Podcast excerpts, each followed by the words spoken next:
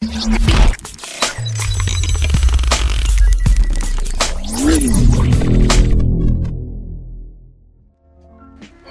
ladies and gentlemen. This is your baby girl. Gua Paya. Gue Betty. Now you're listening to Remang Podcast. Remaja mangkal. Shh, sini masuk. Pelan-pelan ya. Halo Mangkal People, kembali lagi di Remang Podcast episode 3 Tapi di sini gue gak bakal ditemenin partner gue Betty Cuma bedanya gue bakalan ditemenin sama narasumber Yang bakalan ngobrol-ngobrol santai dan asik banget Boleh perkenalan diri dulu nih? Uh, Oke, nama gue Rafli sih. Biasanya juga, uh, tapi gue sebenarnya ada nama samaran gitu sih. Kalau buat gue nongkrong sama teman-teman baru. Jadi enaknya manggil gue manggil nama manggil nama gue asli atau manggil nama samaran gue? Terserah sih lo enaknya dipanggil apa Gue sih ngikut apa? Nama asli gue ya. Soalnya nama samaran gue agak cringe. Oke. Oke Rafli oke Oke. Oke kita langsung masuk aja ya Jadi di sini tuh gue mau bahas tentang toxic relationship nih ngebahas setelah yang tadi uh, setelah yang episode sebelumnya sorry yang udah Betty uh, apa sih omongin minggu lalu. Nah di sini tuh gue mau bacain beberapa DM yang masuk di uh, instastory gue yang minggu lalu itu kita remang podcast yang apa ya kayak kru-krunya gitu kru ya. Uh, pada share gitu instastory tentang pertanyaannya uh, pokoknya tentang toxic relationship apakah kamu mau bercerita atau enggak gitu ya. Terus ada beberapa yang masuk ke gue dan gue mau ceritain sekarang. Jadi yang Oke. pertama nih ya ada tuh namanya Intan. Sebut aja Intan jadi dia itu waktu dulu eh, dia udah pacaran sama pacarnya sekitar satu tahun lebih gitu. Terus eh, berantem hebat tuh. Dia lagi nemenin temen eh pacarnya itu nongkrong eh, bareng temen-temennya. Terus pas itu malam-malam situasinya. Terus eh apa ya terus dia berantem hebat waktu pulangnya di mobil. Gara-gara hal sepele dan cowoknya marah banget. Terus eh, udahlah mereka berantem di jalan terus akhirnya cowoknya menepi tuh ke parkiran mobil. Nah di situ tuh eh, jalanannya lumayan sepi jadi kayak eh, mereka mereka berantem di situ. Terus si cowoknya itu marah-marah sampai dorong eh, dorong si ceweknya ke jendela. Terus kayak em, sorry sorry. Terus tuh eh, mukul nonjok kayak gitu kayak wah gila banget sampai ke kaca mobil. Terus eh, si ceweknya itu si Intannya itu kan kayak shock gitu kan habis dipukul habis tonjok kayak gitu. Terus dia keluar tuh dari mobil itu. Terus waktu di luar eh, si Intan itu eh, apa ya si cowoknya tuh nyusulin si Intan itu terus sambil nyekek gitu loh terus dorong sampai kena ke tanah. Bayangin gak sih sampai kena ke tanah. Terus uh, waktu pas abis dipukulin kayak gitu mata matanya ngeluarin darah terus hidungnya bengkak. Terus tuh gara-gara dibehel si Intan itu panik banget waktu mulutnya juga ikut berdarah. Kayak satu muka gitu berdarah benyok gitu. Kebayang gak sih cewek gitu kan? Terus beres dia pergi tuh beres si cowoknya pergi. Jadi ditinggalin tuh si Intan di jalan itu. Jadi si Intan cuma bawa HP terus kayak tasnya itu ada di mobilnya cowoknya itu.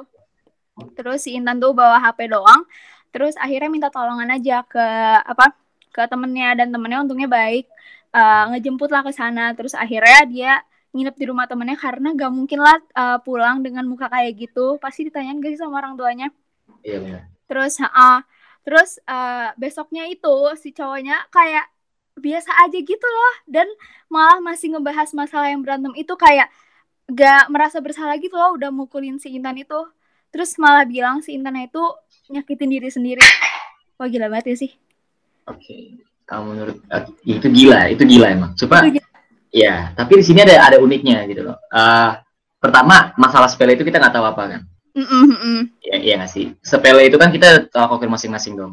Iya. Sepele itu kayak gimana ya karena gua ambil sudut pandang mungkin si Intan itu abis nongkrong juga sama cowoknya malam-malam itu mungkin eh, ada masalah chat kah? Ada masalah dia eh, nyapa temennya kah? Kita nggak tahu sepele itu gimana kalau gua bagi cowok. Nah, tapi menurut gua di sini tuh penanganan si cowok ini emang gak tepat. Kita patut kita patut kita salahkan si cowok ini. Tapi si Intan ini juga eh, ada salahnya juga.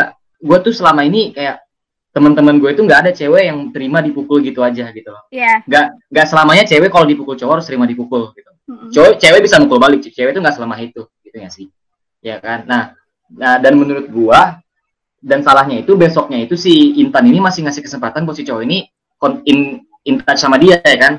Nggak dibawa ke polisi nggak dibawa ke orang tuanya. Nah ini sebenarnya mis misconception sih. Maksudnya orang sebenarnya orang tua tuh penting kalau misalkan lu udah kena eh, kekerasan fisik itu sama sama pacar lu ya kan? Orang tua Hmm. harus harus involved dong. Eh, maksudnya bokap lu aja nggak mungkin mukul sampai berdarah-darah kayak gitu yang yang ngebesarin lu gitu loh. Bener terus banget sih. eh, cowok ini cowok ini siapa gitu kan? Nah gue sebenarnya pengen kasih saran si, si Intan ini sih. Kayak sadari bahwasannya diri lu itu nggak selemah itu gitu. Lu bisa membalas dengan cara apa pun. Lu punya temen pasti. Lu bisa pakai lu bisa minta bantuan teman-teman lu. Lu bisa pakai bantuan hukum. Karena lu udah di udah di abuse gitu kan. Nah jadi ke depannya kan eh, ini buat Kintan ini gue ngomong kayak ngomong ke dia gini kayak ke depannya sih eh, menurut gue please banget lu jangan balik sama dia karena teman gue banyak yang kayak lu dan balik lagi gitu. Terakhir hampir mati. Oh my god, gitu. Jadi- beneran hampir iya, iya. mati.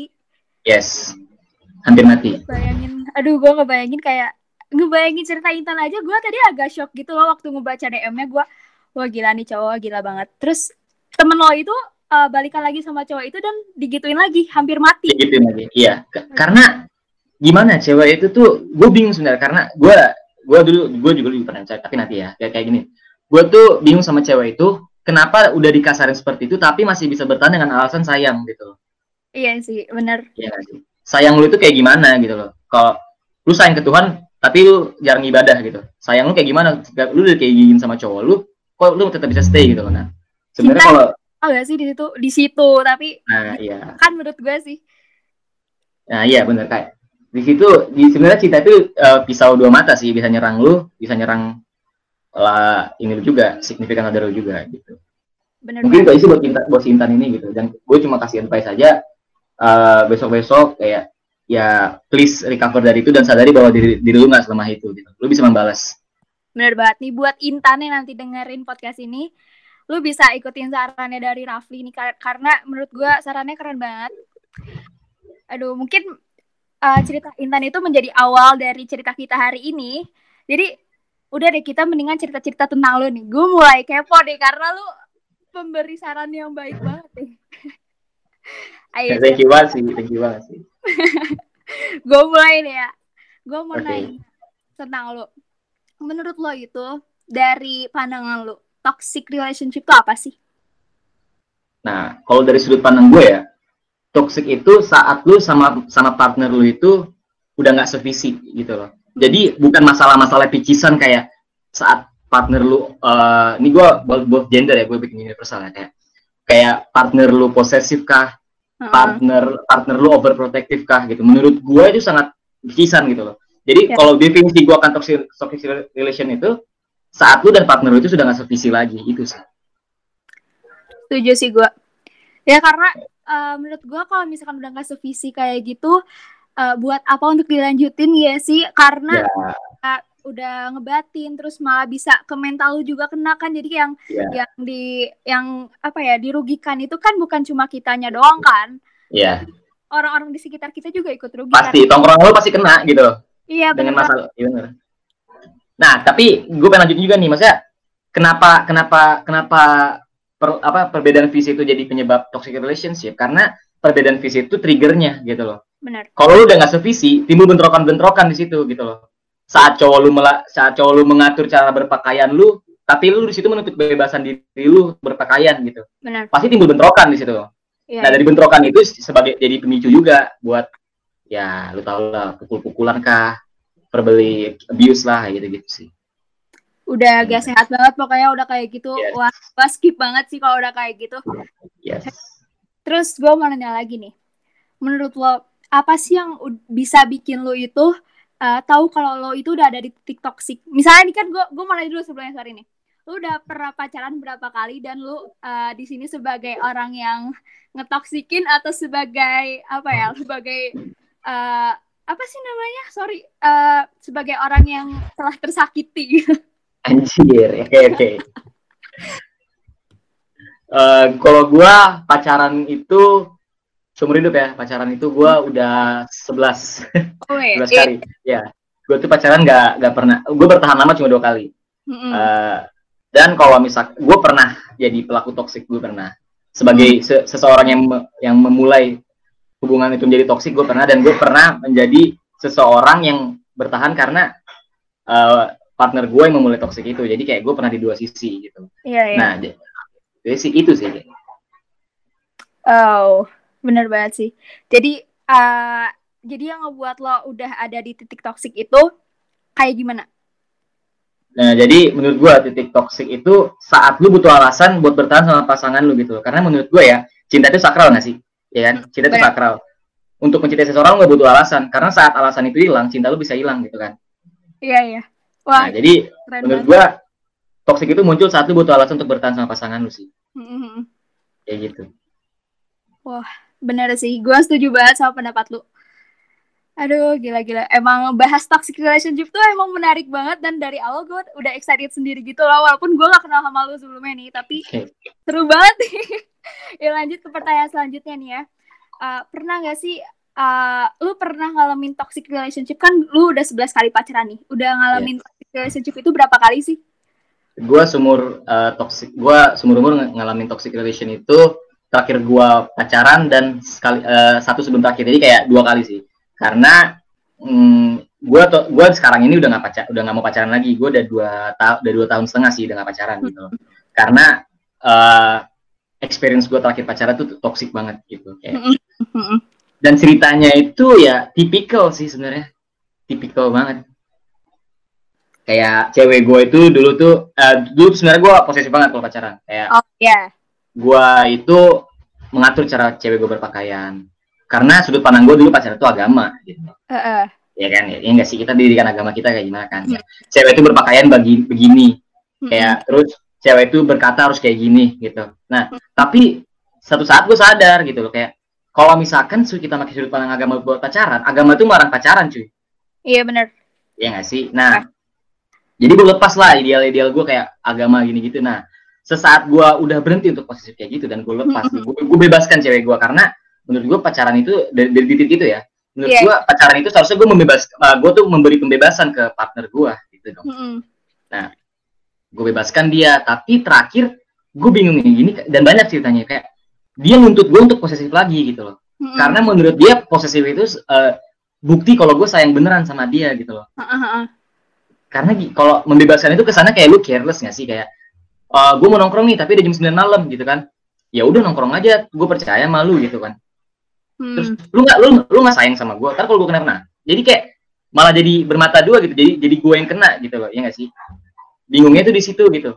Saat uh, gue posesif ada penolakan dari cewek gue dan saat gue uh, berhenti untuk posesif cewek uh, ada ada rasa craving gitu kayak pengen lagi gue posesif kayak gitu. Nah dari situ akhirnya timbul masalah-masalah sama gue dan gue sempat berantem besar tapi gue nggak pernah pukul dia gue setelah gue tuh kalau lagi berantem tuh gue lebih milih dia tampar gue biar gue sadar salah gue di mana kayak gitu Iya. ketimbang ke- karena kalau gue tampar dia gue cemen banget dong ya nggak sih Iya sih benar. Jadi lu posesifnya itu eh, sampai marah-marah gak sih atau cuma ngasih tahu cewek lu jangan kayak gini-gini gini atau lu sambil ada emosi yang lu kembangkan di situ atau gimana? sampai sampai marah-marah sampai marah-marah Ah, lu lu bisa lihat dong kalau gue jago ngomong ya nggak sih Iya, iya, iya. gue tuh bisa bikin gue pernah bikin cewek gue tuh yang hampir depresi cuy kayak gitu hampir depresi Ngebentak. tapi kalau nah menurut gue kalau gue bentak cewek gue gak keren gitu loh marah gue jadi kayak gue tuh lebih ke argumentasi sih kayak Ah. gue tarik benang merah jadi kayak kayak lu mau lu mau tau ceritanya atau gimana nih mau tahu cerita ya? Ceritain aja. nah, jadi jadi kayak gini gue tuh dulu nggak sama gue tuh dulu culun banget ya kayak ya lu tau lah kayak gue mau followers dah kak tolak tolak ukurnya. Ah, followers gue cuma 200 ya kan? Nah tiba-tiba satu gue jadi ketua paskibra nih SMA Oh iya. ya kan? Nah gue jadi ketua paskibra sekarang uh, uh, pendek cerita gue jadi pelatihnya untuk uh, untuk uh, apa namanya peresmian anggota di Tangsel. Namanya diklat kalau kita ngomongnya. Diklat Tangsel. Nah dari situ lu tau lah kalau pasti pasti buruk nggak nih kusut nggak sih gimana sih Ya. orang nggak mandi tiga hari itu tiga hari ya Cah. tiga Iya. hari nggak mandi nah tapi gue bingungnya orang-orang sana itu anak-anak sana itu kayak bilang kayak ini kak ini siapa kak ini siapa nah akhirnya cari followers cari cari Instagram gua gitu Heeh. akhirnya dalam sehari itu followers pintar dari 200 tiba-tiba jadi 1000 1100-an Oh gila karena banget. pada nge-follow nah karena pada nge-follow gua nah di situ timbul insecurity dari cewek gue Iya, iya. karena katanya gue berubah gitu Hmm. nah padahal sebelum sebelum itu dia sebenarnya tenar dia tenar banget gitu loh. Sebelum sebelum itu kayak gue yang selalu kayak mikir kayak "Eh, tolong dong kayak jangan jangan sering-sering SG nggak pakai jilbab karena dia dia orangnya jilbaban gitu loh. Kalau Oh, kalau cabut pun jilbaban. Iya jangan sering-sering SG nggak jilbab dong gitu kan. Nah akhirnya di situ dia marah lah sama gue karena gue tiba-tiba banyak yang suka kayak gitu. Heeh. Nah, akhirnya di situ ada berantemnya karena menurut gua itu bukan salah gua gitu loh. Karena gua di situ melakukan tugas gua nggak sih sebagai pa- Ya. sebagai pelatih gitu loh. Hmm. Dan kalau misalkan mereka suka sama gua itu bukan itu bukan apa ya? Bukan bukan target gua gitu loh. Itu Hmm. bonus dari itu bonus dari usaha gua gitu. Nah, tapi dia menyalahkan itu ke gua dan akhirnya gua berantem tuh. Dia sampai ngomong kok, dia sampai ngomong kayak gua gua nggak sensor kayak anjing lu ya lu ternyata kayak kayak ternyata lu uh, main cewek juga jadi orang ya karena kalau gua kalau di PC cewek itu gua nggak mau jutekin gitu karena Oh. kalau menurut gue first impression itu paling penting gitu loh. Nah, jadi kayak dia dia ngomong kasar ke gua dan kalau gua dari ngomong kasarin gitu, gua tuh gimana ya? Ceritanya ngomongnya apa? Lemah hati ya, jadi tuh lemah hati karena gua tuh dari SD tuh dibully gitu. Gue gue SD SMP gue gue dibully. Tapi SMA semenjak gue puber gue udah gak dibully lagi gitu. Jadi berantem, berantem besar lah itu kan. Akhirnya ketemuan, tapi ketemuannya itu di sekolah. Di sekolah pas pulang sekolah gue janjian untuk ketemu di depan pendopo namanya ya Iya. kan di situ kita ngobrol lah gitu kan ya terus dia sebut nyebut kayak apa kita putus aja kali ya gitu kan dia, Oh. dia ngomong kayak gitu nah mungkin menurut dia itu pertanyaan yang gak, yang yang sepele gitu tapi menurut gue kalau lu dari pacaran lu sebut putus itu udah serius banget gitu loh Hmm. akhirnya kayak gue akhirnya pembicaraan gue itu seputar itu jadi kayak aslinya kalau misalkan emang gue salah tapi gue gue bikin gimana caranya dia yang salah gitu loh Hmm. argumentasi gue gue bikin dia percaya kalau dia salah gitu loh Iya, Nah. iya. Akhirnya dia nampar gue dan dia bilang mau lu apa sih? kayak gitu kan. Terus gue bilang gue mau gue mau nurutin mau lu kita putus. Kalau kita lu mau putus kita putus gitu. Gue bilang kayak gitu. Akhirnya dari situ kita putus ya kan. Nah kita putus eh itu jatuhnya kan gue yang posesifin apa kayak dia yang posesifin gue nah nah tapi di situ dia entah kenapa bisa bikin teman-temannya percaya kalau itu semua salah gue gitu. Nah jadi kalau gue lihat dari cerita-cerita toxic relationship itu nggak selamanya cewek itu korban cuy Iya, iya emang both gak Iya. sih keduanya. Iya. Iya, si- siapa siapa pun bisa jadi pelaku dan bisa jadi korban. Iya benar-benar. Iya Nah, gua. dari situ ya dari situ sih kayak yang kayak dia gue tuh kan nggak berani tapi dia nampar gue gitu pertama kali gue tampar cewek itu sama dia gitu Oh. dan dari tamparan itu kayak gue anjir emang kayak tapi di tampar cewek itu ternyata enak juga karena jadi gue sadar gitu Iya. ternyata ya gue gak butuh pembelaan untuk kalau misalkan dia marah gue harus terima marah dia gitu gue sadarnya dari situ sih Hmm. Oh. Emang sih gue gue setuju banget sih sama apa yang lo katain dari tadi, apa yang lo omongin dari tadi. Kayak emang kalau toxic relationship itu bukan cuma di satu satu gender doang gitu, cewek doang enggak, keduanya bisa jadi korban.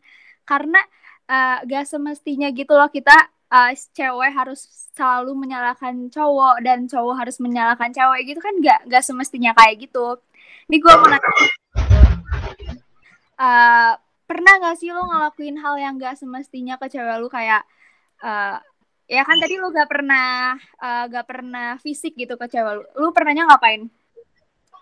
kalau gue uh, gue taruh gue nanya dulu ke lu menurut lu Oke. yang yang menurut lu nggak semestinya itu kayak gimana Gak semestinya kayak ngomong kasar gitu kayak wah anjing lu bla bla bla bla terus ngomong kotor kayak eh ya ngomong kotor aja gitu loh ke ceweknya gara-gara saking emosinya kayak gitu atau Hmm. hal verbal kayak gitu lu, lu biasanya eh lu pernah ngapain?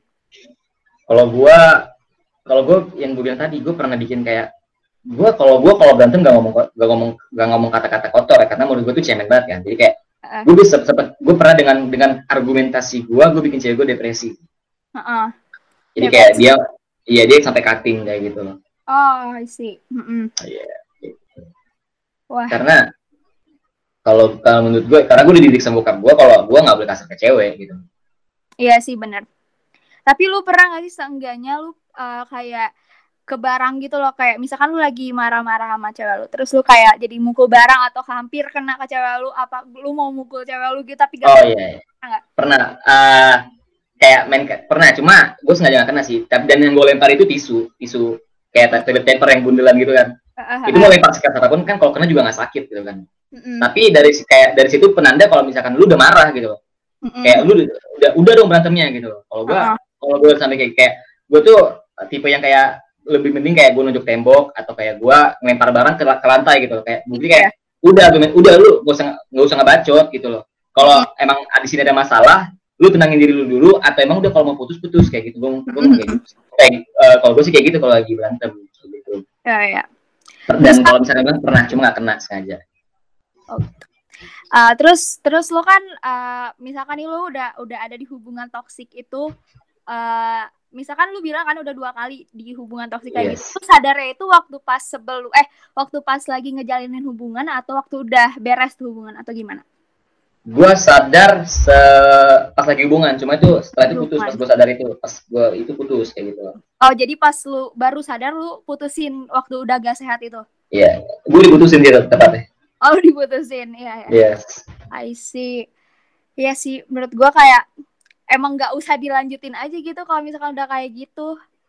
Aduh, emang. Karena karena gini, kalau misalkan uh, gue yang mutusin, Mm-mm. kan le- kesannya kayak gue bisa kayak kesannya tuh kayak dia yang salah dong karena gue tuh Hmm. pengen keluar dari hubungan nah tapi dia dia bikin dia yang putusin karena Mm-mm. biar banyak argumentasi dengan gue ternyata dia terlatih juga gitu loh Oh ya. nah jadi dia mutusin gue dan dia nyebar kalau misalkan gue itu orangnya gini gini gini gini dan akhirnya adik-adik kelas gue gue SMA kelas 3 ya adik-adik kelas gue itu manggil gue itu eh, tukang modus kalau enggak maceo main cewek. tapi sebenarnya ya terserah mereka mau ngomong kayak gitu karena dengan nama gue yang buruk itu kalau misalkan seseorang mau berteman sama gue ya berarti emang dia beneran mau teman sama gue Bener bener bener. Sih. Iya sih. Emang emang bener. Gue gue setuju sih. Aduh, lu lu jago ngomong banget sih. Keren banget lu. tapi Apa? ya, gitu. Eh, tapi kayak jago ngomong gue ini juga sebenarnya efek gue dibully dulu gitu dulu tuh kayak gue tuh sempat sempat yang namanya gue gue ngerasain diri gue tuh di posisi gay. Gua per- kayak sampai akhirnya gue sadar kalau misalkan ya kalau jahat itu jahat aja nggak nggak nggak based on gender gitu. Iya bener. dulu gue tuh dibully dibully cewek gara-gara gue tuh jelek banget tuh. Ya sudah bisa bilang gue babi lah kayak gue kayak babi lah gitu. Nah itu gue dibully banget sama cewek gitu loh. Jadi kayak setelah itu kayak gue gue benci sama cewek dong. Ya kan? Mm-mm.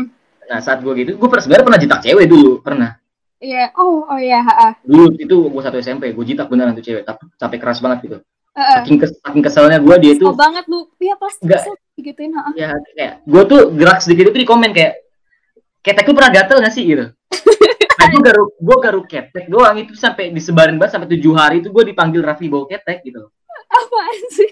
gue ya akhirnya gue jidung juga dong ya gue jitak gitu nah akhirnya tapi itu cowok-cowok juga ngebully gue gitu jadi gue sadar sih jadi kayak ya gue berhenti juga buat, buat yang namanya gay gitu jadi gue straight aja sekarang gue udah straight ya gitu. Ah. sepele ya itu sebenarnya Iya sih, tapi menarik sih. Terus eh, ceritain dong hal yang pernah lo lakuin. Terus lo lakuin ke cewek lu nih, tapi lu tuh gak bisa maafin sampai sekarang yang lu tuh masih sesali sampai sekarang gitu loh. Ada nggak? ada Apa-apa?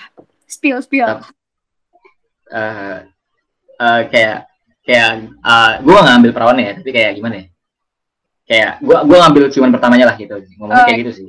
eh, isi- tapi itu posisinya dia kayak ragu dan gak mau gitu. Eh, eh. gue tuh kan orang yang kayak kalau orang gak mau ya udah gue gak gue gak ngelakuin gitu. Gue Hmm. gak gitu. Nah tapi waktu itu karena gue yang karena gue yang masih naif banget gue penasaran gitu. Gua penasaran rasa ciuman tuh kayak gimana sih kayak gitu. Kenapa dilarang banget sama agama gitu kan? Apakah kalau setelah ciuman tuh bakal jadi bakal jadi ini bakal jadi penjahat kelamin ya kan nah akhirnya ya cium, cium ciuman lah. Tapi setelah itu impactnya ke dia dia jadi lebih ekspresif sih. Dan akhirnya dia nggak sampai sekarang pun dia nggak menganggap itu masalah. Dan gue masih berteman sama dia sekarang. Oh, yang awal juga berantem banget sih. Sampai sekarang berteman. Oh iya, iya, iya. Keren, keren, keren. Terus, eh, kalau nih ya, lu tuh bisa ngulang waktu. Lu tuh mau ngomong apa sih? Misalkan ke mantan-mantan lu yang eh, pernah ngejalinin hubungan toksik be- bersama lo atau gimana? Atau yang pernah lo sakiti? Atau yang pernah disak eh tersakiti? Eh, atau yang pernah menyakiti lu? oke oke gue pengen ngomong ngomong gimana ke mantan gue yang kayak gue bisa ngulang waktu iya, balik gitu Iya. oke kayak oke kayak kata-kata itu cuma temen jangan disepelein gitu karena kita tuh sebenarnya awalnya temen Eh. Jadi gua itu putus itu sebenarnya gara-gara orang ketiga. Oh. Hmm. Dan dia awalnya ngomong itu cuma temen gitu loh. Eh, eh. Dia cuma temen gua, Fli. Gue bilang kayak enggak, intensi dia kalau itu dia suka sama lu, dia pengen ngerebut lu dari gua. Gue bilang Iya. kayak gitu. Gue gue pernah merasa itu, sumpah. Hmm. Tapi si cewek ini dia nggak, dia nggak, dia nggak, nggak apa, entah pura-pura bodoh atau emang pengen apa kayak penenangnya emang kayak gitu cara-cara dia dia gitu. Tapi dia bilang kayak kayak enggak, pokoknya sampai kapan pun gue nggak bakal, gue nggak bakal pacaran sama dia gitu kan. Hmm. Walaupun kita putus juga, gue gak pacaran sama dia, sama cowok ini gitu kan ya. Gue tes lah, gue bikin dia marah. Eh. Akhirnya dia mutusin, dia mutusin gue, eh. ya kan. Udah putus, gue sengaja tuh, gue gue ngetes tuh. Biasanya dia ngechat gue lagi, Iya. atau gue ngechat dia lagi ya kan. Nah, tapi dia gak ngechat gue lagi dan gue gak ngechat dia lagi. Sebenarnya aja seminggu kemudian mereka jadian. Ah, iya. Jadi gue kata-kata itu cuma temen, jangan disepelein karena Iya. semua hubungan itu berawal dari temenan gak sih? Gue juga, gue kayak kayak banget tapi ini eh, posisinya yang jadi orang ketiganya itu sahabat gue dulu dan sekarang kayak udah gak berhubungan lagi. Jadi- Sahabat, Iya sahabat, jadi kayak anjir. iya kayak sakit hatinya kayak gimana sih dan itu tuh menjadikan gue heartless gitu loh ke uh, Yes. hubungan-hubungan gue selanjutnya karena gue jadi kayak uh, apa ya terbebani gitu maksudnya sama hal itu walaupun sama hal itu tapi efeknya jadi panjang dan uh, ribet banget gitu di pikiran gue jadi kayak gue jadi heartless banget gitu. Iya. Dan itu sahabat sih kayak sakit hati lu dua kali gak sih? Iya dua kali karena ini sahabat udah udah cowok yang lu sayang dan sahabat lu juga yang lu sayang terus keduanya ngehianatin lu kayak Iya. Wah. oke tapi apa iya jadi kayak kayak kalau di posisi itu kayak timbul pikiran sih kayak apa apa mending gue jadi orang jahat aja nggak sih? Kayak gitu. iya iya iya gue mikir Iya. kayak gitu. Cuma su- cuma sekarang gue jadi mikir udahlah uh, karena udah berlalu juga kan jadi gue udah memaafkan mereka dan ya udahlah let it flow aja. Gue juga udah dapet yang lebih baik gitu-gitu. Jadi kayak Iya. udahlah gitu ya. Dah dah dah lah gitu ya. Gitu. Abisnya juga marah juga gimana? Ya iya kita ngapain lagi. Heeh. Nih gue gua kan dari tadi kita ngebahas tentang lo terus kan. Gue kayak wawancara lo gini kan. Gue mau main permainan dong bareng lo. oke boleh Apa ya? asik nih kayaknya Permainan itu jawab cepat. Kayak iya.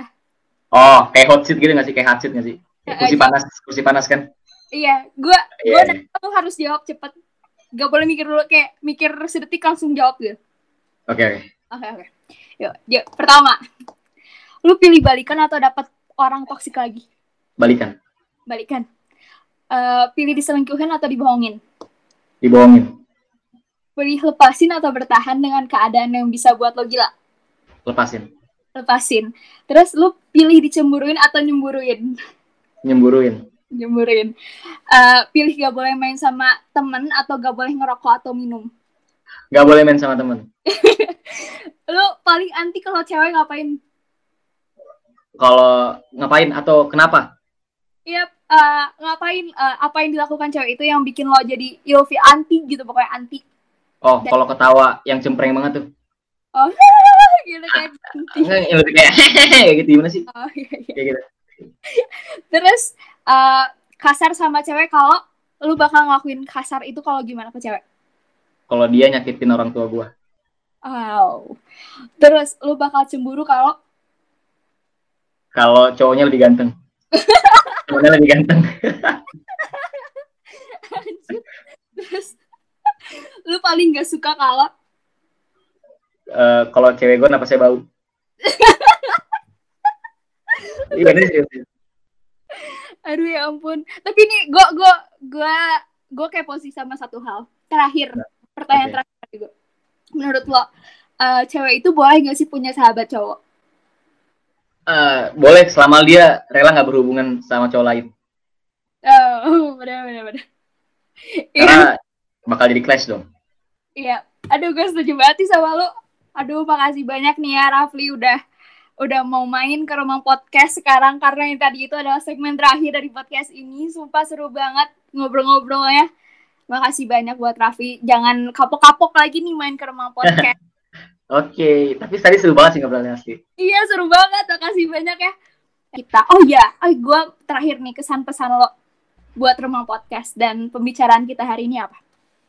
pesan gue ya kayak menurut gue nih kan gue kan juga dengerin podcast yang kayak us gitu gitu kan tapi ternama gitu tapi jadi menurut gue nih kayak uh, remang ini ada uniknya sih karena dari yang gue denger dua kali tuh yang pertama tuh yang shock culture shock culture sama yang kemarin toxic relationship kan yeah. itu tuh pembicaraan itu selalu arah gitu loh jadi interviewnya atau hostnya itu nggak cuma nanya doang gitu tapi dia juga ngeritain pengalamannya sih uniknya di situ gitu jadi pembicaraan dua arah yang lebih kayak nongkrong gitu lebih santai gitu. Eh, ya, ya. ambience santai banget sih kayak gitu sih Eh, thank you so much Rafli. Pokoknya nih buat Mangka People yang mau dengerin terus keseruan kita di Mangka eh di Rumah Podcast. Boleh banget uh, stay tune buat minggu depan karena kita bakal ngurin episode baru yang pastinya lebih seru lagi dari ini. Makasih banyak sekali lagi buat Rafli.